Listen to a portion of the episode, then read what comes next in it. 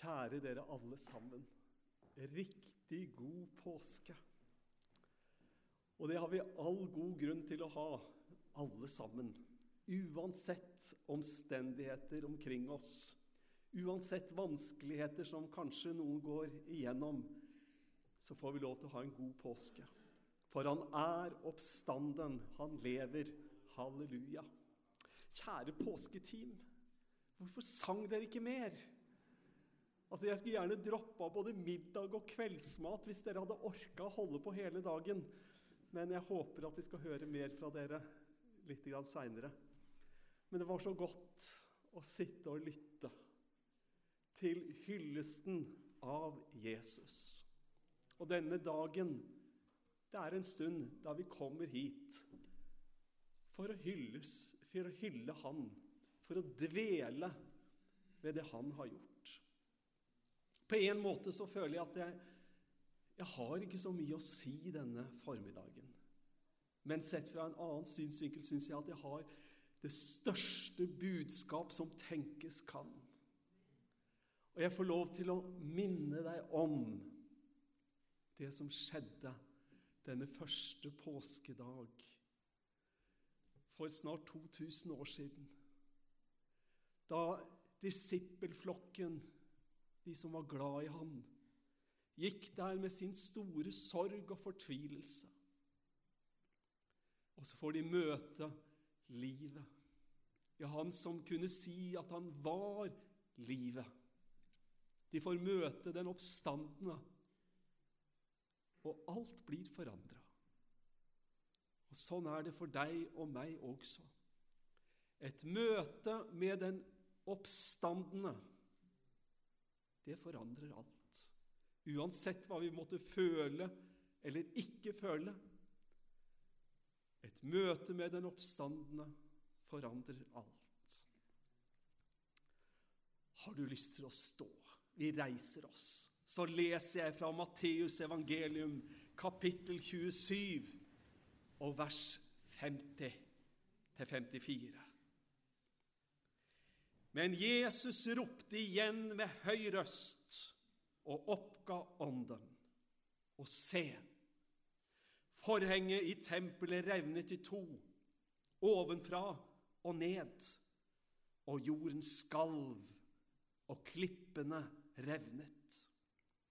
Gravene åpnet seg, og mange av legemene til de hellige som var sovnet inn, sto opp etter Jesu oppstandelse gikk de ut av gravene og kom inn i den hellige by og viste seg for mange.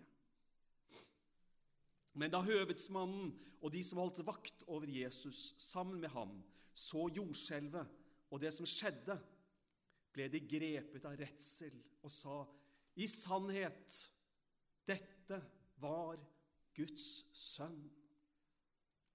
Dette var det apostoliske vitnesbyrd. Forklaringen, den apostoliske forklaringen, får du her.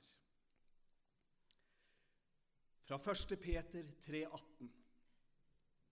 For Kristus selv led døden for syndens skyld, en gang for alle. Den rettferdige for urettferdige, for å føre dere fram til Gud. Med kroppen døde han, men ved Ånden ble han gjort levende. La oss be. Far i himmelen, takker deg for evangeliet. Takk for den gave du ga.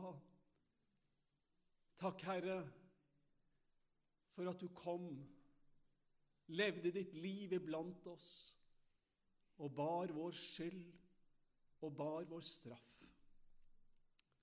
Herre, kom du med din Hellige Ånd, og vi ber, levendegjør ordene for oss. La oss få se inn i evangeliets herlighet. La oss forstå enda mer, og la oss oppleve enda kraftigere at vi er tilgitt bare på grunn av nåde, bare på grunn av det offer som du ga. Takk for at du døde for vår skyld for vår synd, og du oppsto til vår rettferdiggjørelse. I Jesu navn. Amen. Vær så god og sitt ned.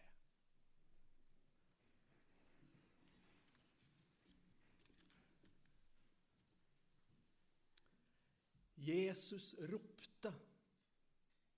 Igjen står det. Jesus ropte. Det er fullbrakt. Og så roper han, Far, i dine hender overgir jeg min ånd, som vi leste fra Matteus evangelium. Og da er det ikke bare at Jesus dør, men da begynner oppstandelsen. Og når vi i dag, på første påskedag, er samla for å feire hans oppstandelse, så begynner det egentlig denne langfredagen, når Jesu ord fyller jord og himmel. Når han roper 'Det er fullbrakt, Far, i dine hender overgir jeg min ånd'. Og så leste vi disse merkelige ordene.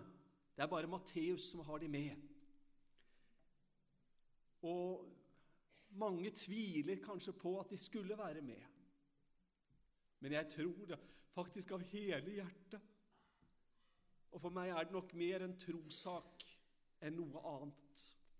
Men Matteus forteller for å, for å hjelpe oss kanskje til å forstå at oppstandelseskraften den er virksom når synden er sonet og gjelden betalt, da Jesus avvæpnet maktene og myndighetene på korset. Så ser vi, når vi leser dette, om dette under som skjer. Og det er merkelig. Et jordskjelv, eller hva det nå er. Det er, det er hele, hele jorden, klippene, hvordan de skjelver. Og, og, og så er det noen av noen som forklarer dette bare ved at det var et jordskjelv.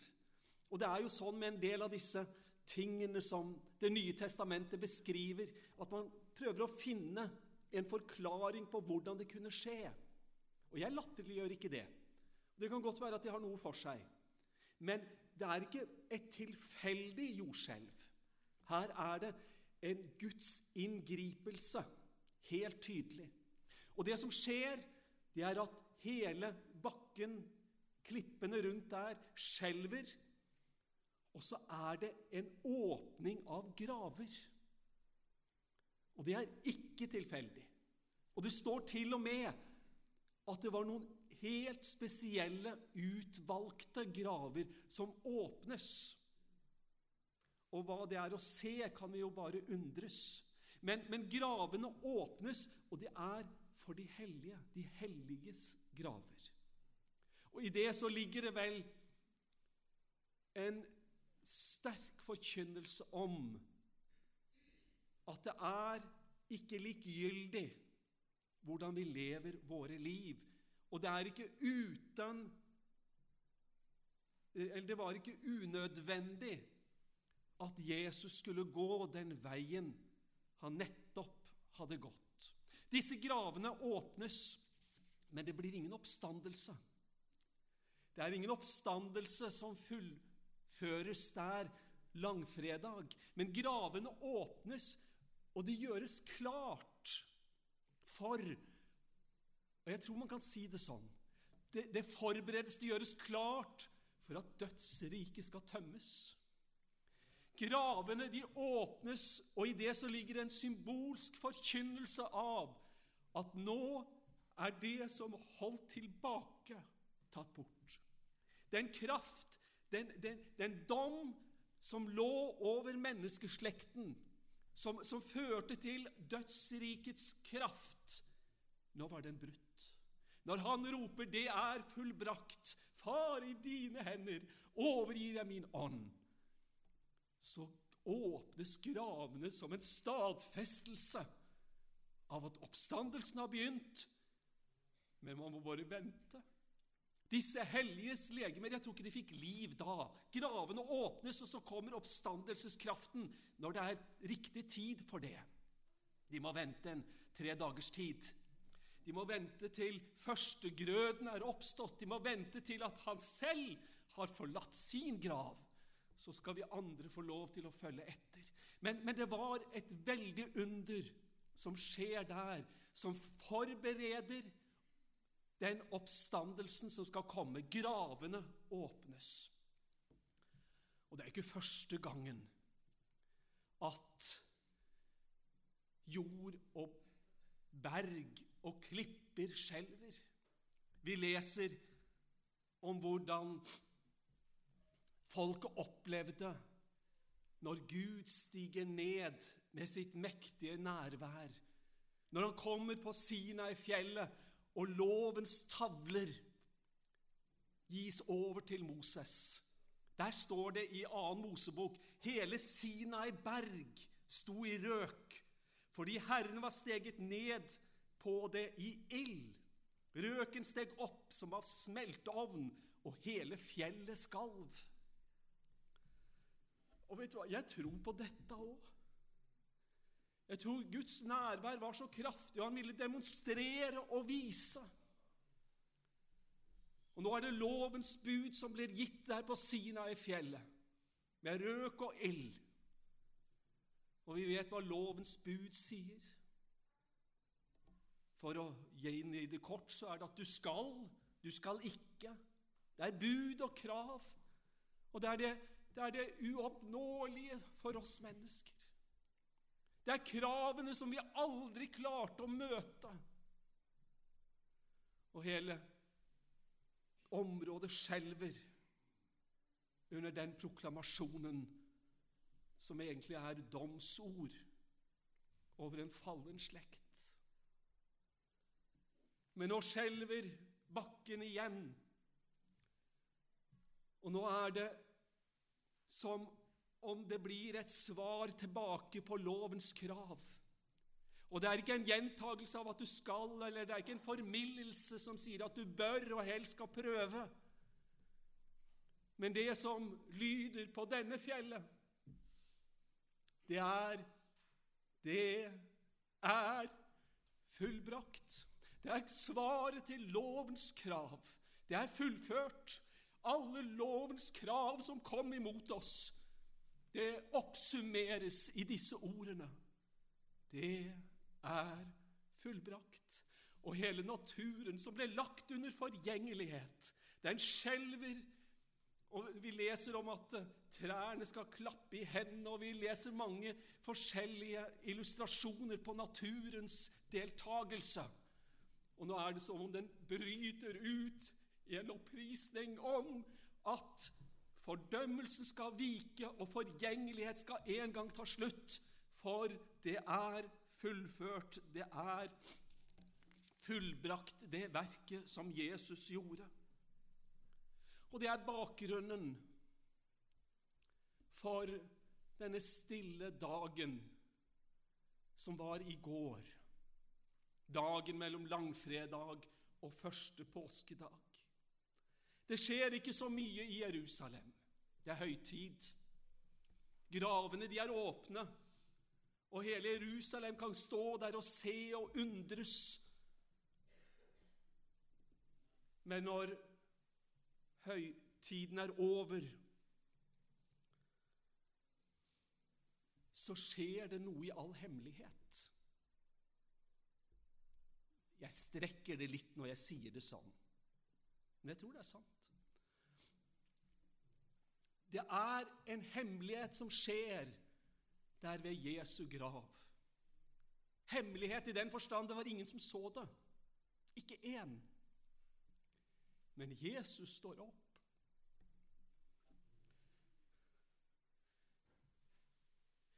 Når tiden var inne så er det ikke sånn at han på første påskedag endelig kom fri. Men det var da tiden var inne. Han oppstår, og graven er tom. Og så skal mennesker få lov til å være vitner om det som har skjedd etter hvert. Og tidlig, tidlig på morgenen så er det flere av de som var glad i Jesus, som var på vei. Vi leser om et par av disiplene som på langfredag bestemte seg for at de skulle gjøre noe for ham. De hadde visst ikke gjort så mye for ham mens han var i live, men eh, de hadde fått lagt han i en grav.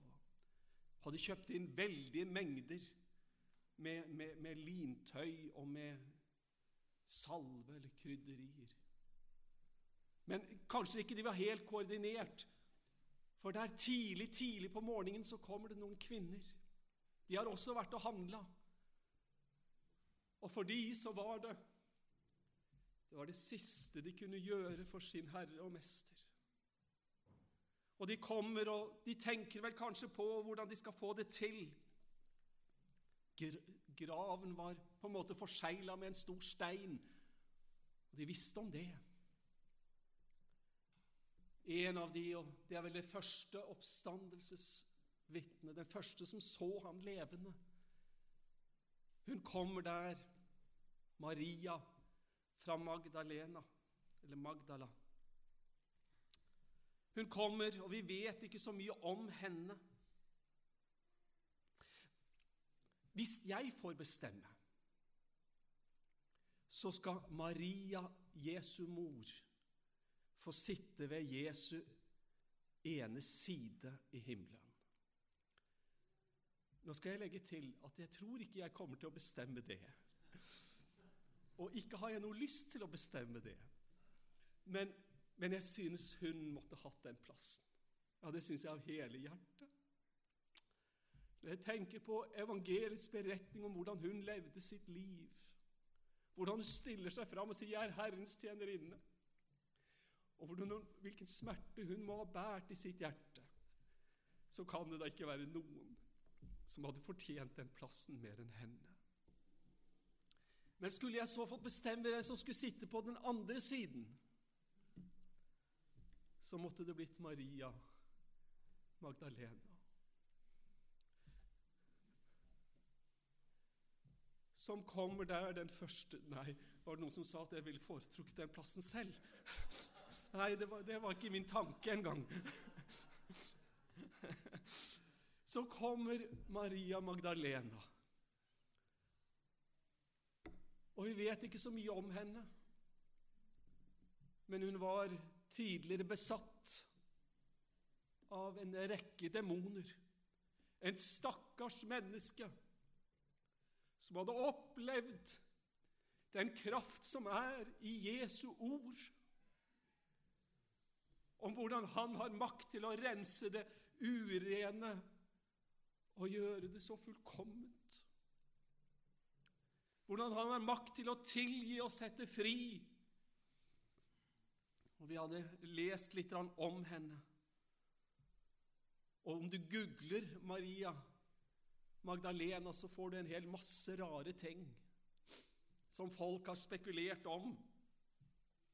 Kanskje hun var den kvinnen som kommer der og setter seg ved Jesu føtter i fariseeren Simons hus, salver hans føtter med salve vasker føttene med tårene sine og tørker dem med håret sitt. Det kunne hun gjerne ha gjort, det er jeg helt sikker på. Men jeg tror nok ikke det var henne. Det er ikke så mye, mange grunner til å tro det. Men det kan ha vært henne. Hun fremstilles av og til som en prostituert. Det er jo også mer enn tvilsomt.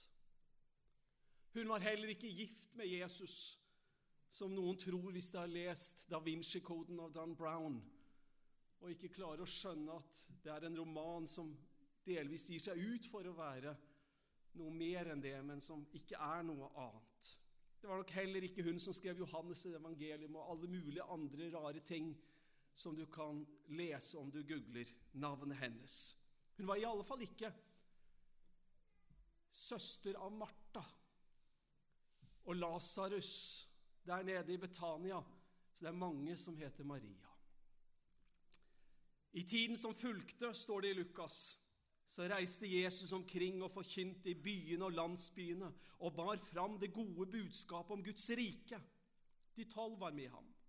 Og noen kvinner som var blitt helbredet for onde ånder og sykdommer.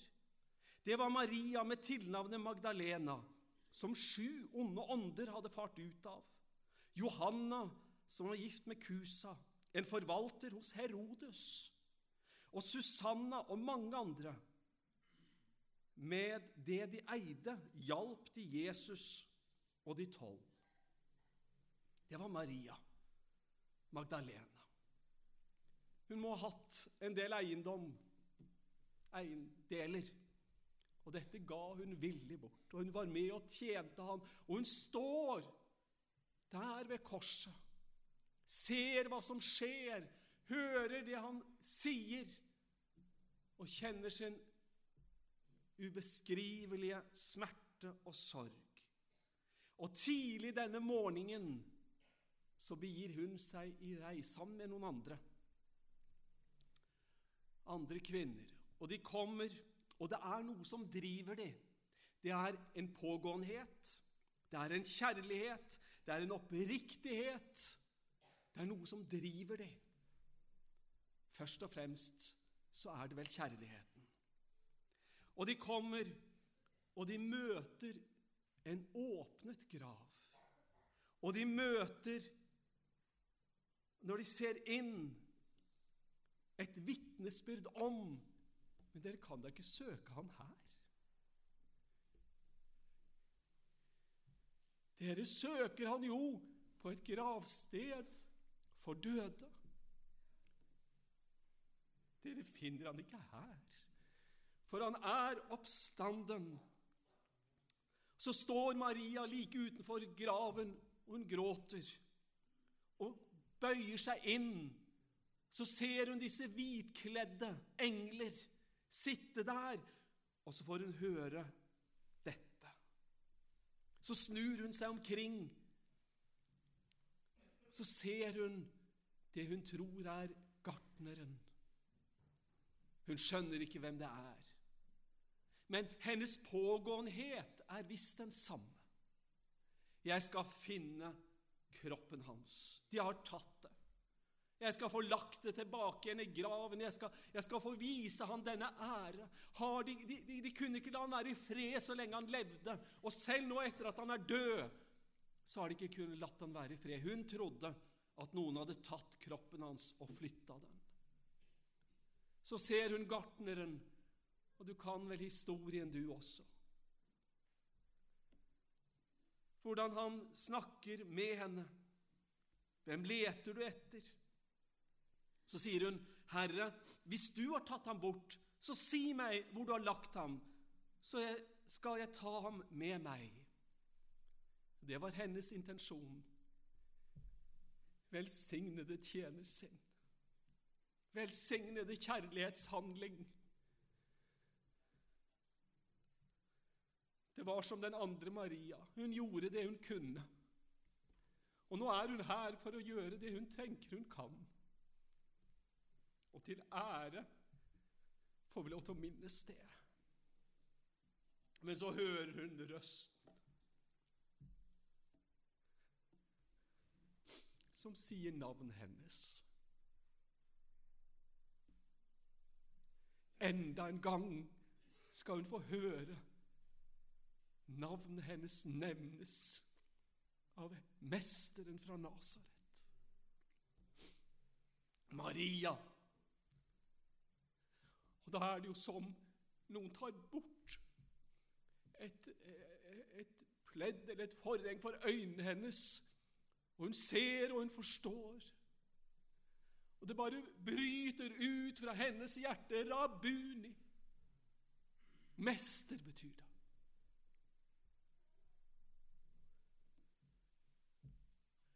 Og alt forandres.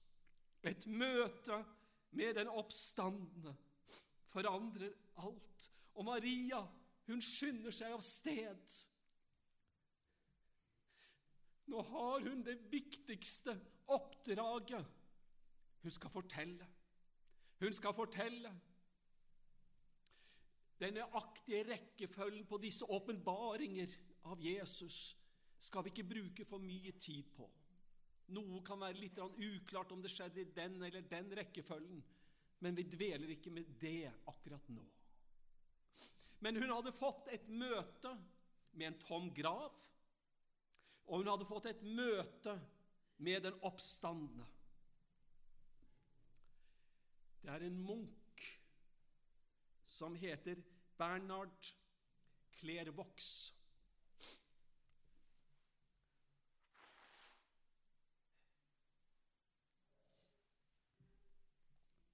Til og med i Store norske leksikon står det om det begrepet som Maria Magdalena ble knyttet til.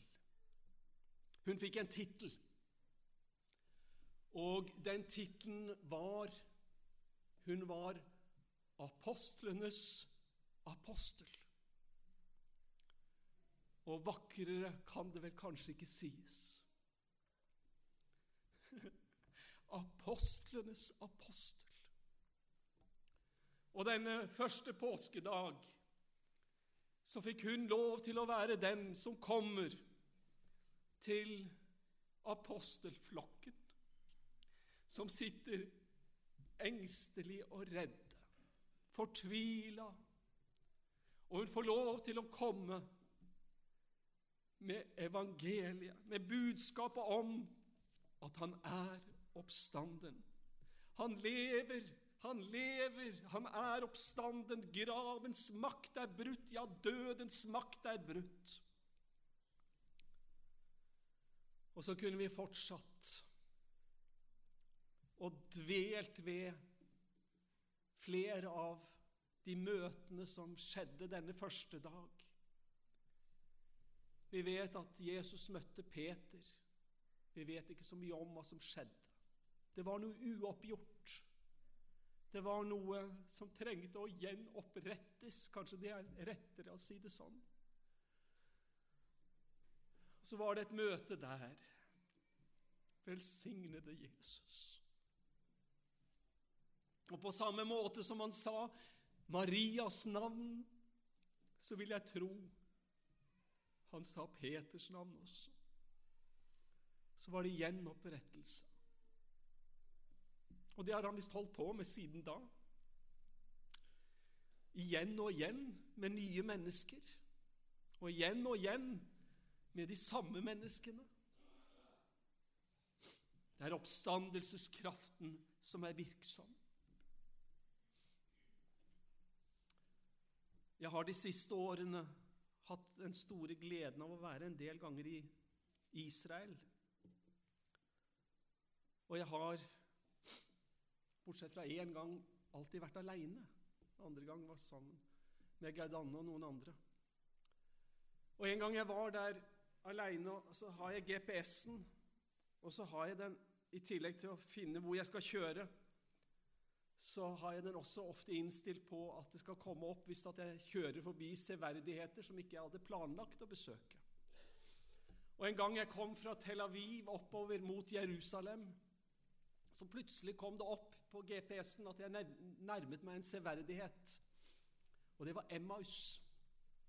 Et av de Ja, det er fire plasser som særlig man diskuterer om er det ekte Emmaus. Og man vet ikke mer enn det. Men, men en av de plassene eh, Den mest bevitnede plassen også, den som har den eldste tradisjonen for å være det bibelske Emmaus. Det ligger en 10-12 km lenger øst, nei, unnskyld, vest for Jerusalem. Og Jeg kommer kjørende, så kommer den opp. Og Så tar jeg av veien, og så kjører jeg bare en kilometer eller to. Så kommer jeg til dette stedet og en del utgravninger og eh, interessante plasser å stoppe og dvele. Og når du er aleine, så gjør du akkurat som du vil. Så kan du sette deg ned, og så kan jeg sitte der og lese litt fra Bibelen, og så kan jeg sitte og dvele. Og det er, det er gode stunder. Men denne dagen så var det Emmaus-vandrerne, som vi kaller de. Det er den mest beryktede gåtur som du kan tenke deg, vil jeg tro. Den er blitt fortalt igjen og igjen, og folk har lest igjen og igjen i århundrer på århundrer, ja årtusener, om disse Emmaus-vandrerne. På vei fra Jerusalem, og det som er bemerkelsesverdig, er blant annet Det var ingenting som bandt de til Jerusalem lenger nå. De hadde vært der i forbindelse med høytiden. De hadde fulgt han delvis. Vi vet ikke så mye. Men nå vil de komme seg derifra og komme seg hjem. Hvem de var, om det var to venner, om det var et ektepar og alt det, det vet vi ikke. Og Så går de, og så er det bare én ting å snakke om denne dagen. Det var bare én ting. Det var det som hadde skjedd i Jerusalem disse dagene. Det var hvordan denne mannen, som var så mektig i ord og gjerninger Det var ikke bare ord. Mektige ord og gjerninger om hvordan han var blitt forrådt, hvordan han var blitt dømt, hvordan han var blitt korsfestet. Og de, de, de gikk og bar på sin skuffelse og sorg. Ikke skuffet over at han hadde sagt seg å være en som han ikke var. Det virker ikke som at de tenker sånn. Nei, han var mektig ord og gjerninger, en mektig profet. Men nå hadde det gått så galt. Og så går de og snakker sammen om dette. Og så begynner denne fremmede, og du kjenner fortellingen. Mange av dere gjør i hvert fall det. Han begynner å gå ved siden av dem, og de kjenner han ikke igjen. Og Så begynner han å legge ut for dem. Etter at han sier, 'Hvorfor har dere vært så trege? Hvorfor har dere ikke trodd Skriftene?' For de forteller at nå er vi i tillegg til det som har skjedd, som vi har sett, så har vi blitt så forvirra. For nå er det kvinner som har fortalt at graven er tom, og nå vet vi ikke hva vi skal tro, og vi skjønner ikke hva som har skjedd. Og da sa ikke Jesus, 'Hvorfor i all verden kan dere ikke tro på disse kvinner som har fortalt dere dette?' Men han sier, 'Hvorfor er dere så senhjerta? Hvorfor er, dere så, hvorfor er det så vanskelig for dere å tro det som profetene har sagt?' Det som står skrevet, det som måtte skje. Og så begynner han å legge ut for dem fra Skriftene fra hele den Bibelen som de var kjent med. Og De går der, disse Emmaus-vandrerne, og det står om at eh, da han hadde begynt å snakke med dem, så, så ser de opp. Og det står de sto da stille og så bedrøvet opp. Det var deres første påskedagsfeiring den dagen. I hvert fall så langt som de var kommet. Og jeg tenker på det hver eneste første påskedag. Hvordan himmelen må bryte ut i jubel og begeistring. Hvordan englene Ja, ikke vet jeg hva slags instrumenter de brukte, og, og hva de sa, og hva de jubla fram. Men hele himmelen er i bevegelse. Han er oppstanden, og han farer i herlighet og makt hjem til sin far. Og så går disse disiplene og ser så bedrøvet opp, for de visste ikke hva som hadde skjedd. Og sånn er det jo med oss. Det er vel så ofte det at eh, våre følelser og hvordan vi har det, ikke helt er i samsvar med hvordan det kan være, og hvordan det burde ha vært. Og vi forstår så stykkevis og delt. Det gjorde de den gangen. Og det gjør jammen meg du og jeg den dag i dag. Men i alle fall, de står der, og de er så sorgfulle. Og så begynner han ifra loven, ifra profetene, ifra skriftene, og legger ut for dem at dette måtte jo skje. Jeg har sagt det tidligere, at hvis det fins noe sånn podkast i himmelen, og vi kommer dit, så tror jeg dette er den første prekena jeg vil høre. Hvilken preken! Å høre Jesus fortelle ifra Det gamle testamentet for disse her sorgtunge Emmaus-vandrerne. Å høre han fortelle om Adam og Eva som fikk klær av skinn. Betydningen av at der i Edens hage der ble det blanda inn blod. Der var det et offer som måtte finne sted for menneskets synd. Du, å få høre den første påskedagspreken, den aller første gangen, holdt av Jesus Kristus. Han snakka vel om Abels offer også. Han talte vel om Abrahams vandring, der Isak går ved siden av og bærer veden, og stiller spørsmålet Hvor er lammet? Abraham, hvor er lammet? Jeg tror Jesus talte om det. Vi er i tabernakelet, heter det jo her. Jeg tror han talte om tabernakelet. Jeg tror han talte om helligdommen, om stengslene, om forhenget. Jeg vet ikke, men jeg tror han fortalte om at Gud bøyde seg ned og rev i stykker forhenget, for at nå var adgangen åpen for hver eneste en. Vi kunne ha dvelt med det alt sammen. Men Emmaus-vandrerne, de bare kjenner at det brenner i deres hjerter. Det var ikke en av de som så på klokka. De går, og de hører. Og så later Jesus som at han skal gå videre når de var kommet til Emmaus. Men han lar seg overtale. For meg virker det som om at av og til så vil han at du og jeg skal fortelle han at han er velkommen inn. For meg virker det som at det faktisk betyr noe for han å høre at han er velkommen inn i ditt og mitt hjerte.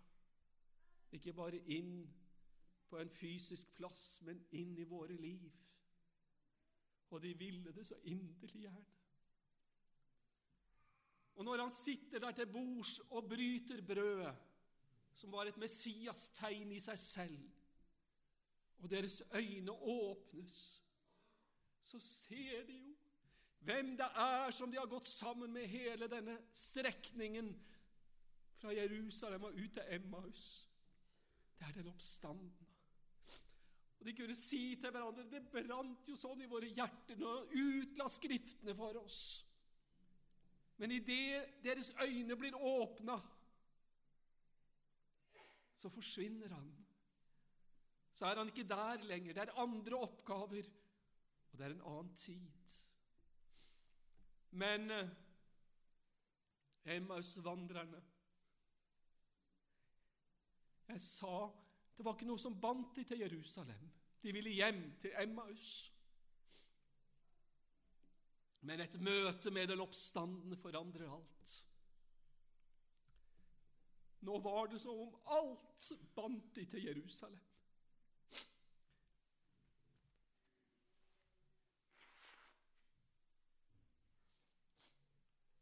Alt binder de til Jerusalem. Og de Ja, det vet jeg ikke, men jeg tror det. De løper de 10-12 kilometerne tilbake til Jerusalem. De kommer stormende inn til en disippelflokk som er så engstelig og redd. Og de har et budskap å fortelle. Vi har møtt ham. Så hører de ja. Peter har også møtt ham. Og mens de er opptatt med å diskutere og samtale og prøve å hjelpe hverandre til å forstå, og mens de snakker om Han som er allsteds nærværende, og ikke vet at han er midt iblant dem, så hører de røsten enda en gang. Så er han hos de der. Så får de et møte med den oppstandende som forandrer alt.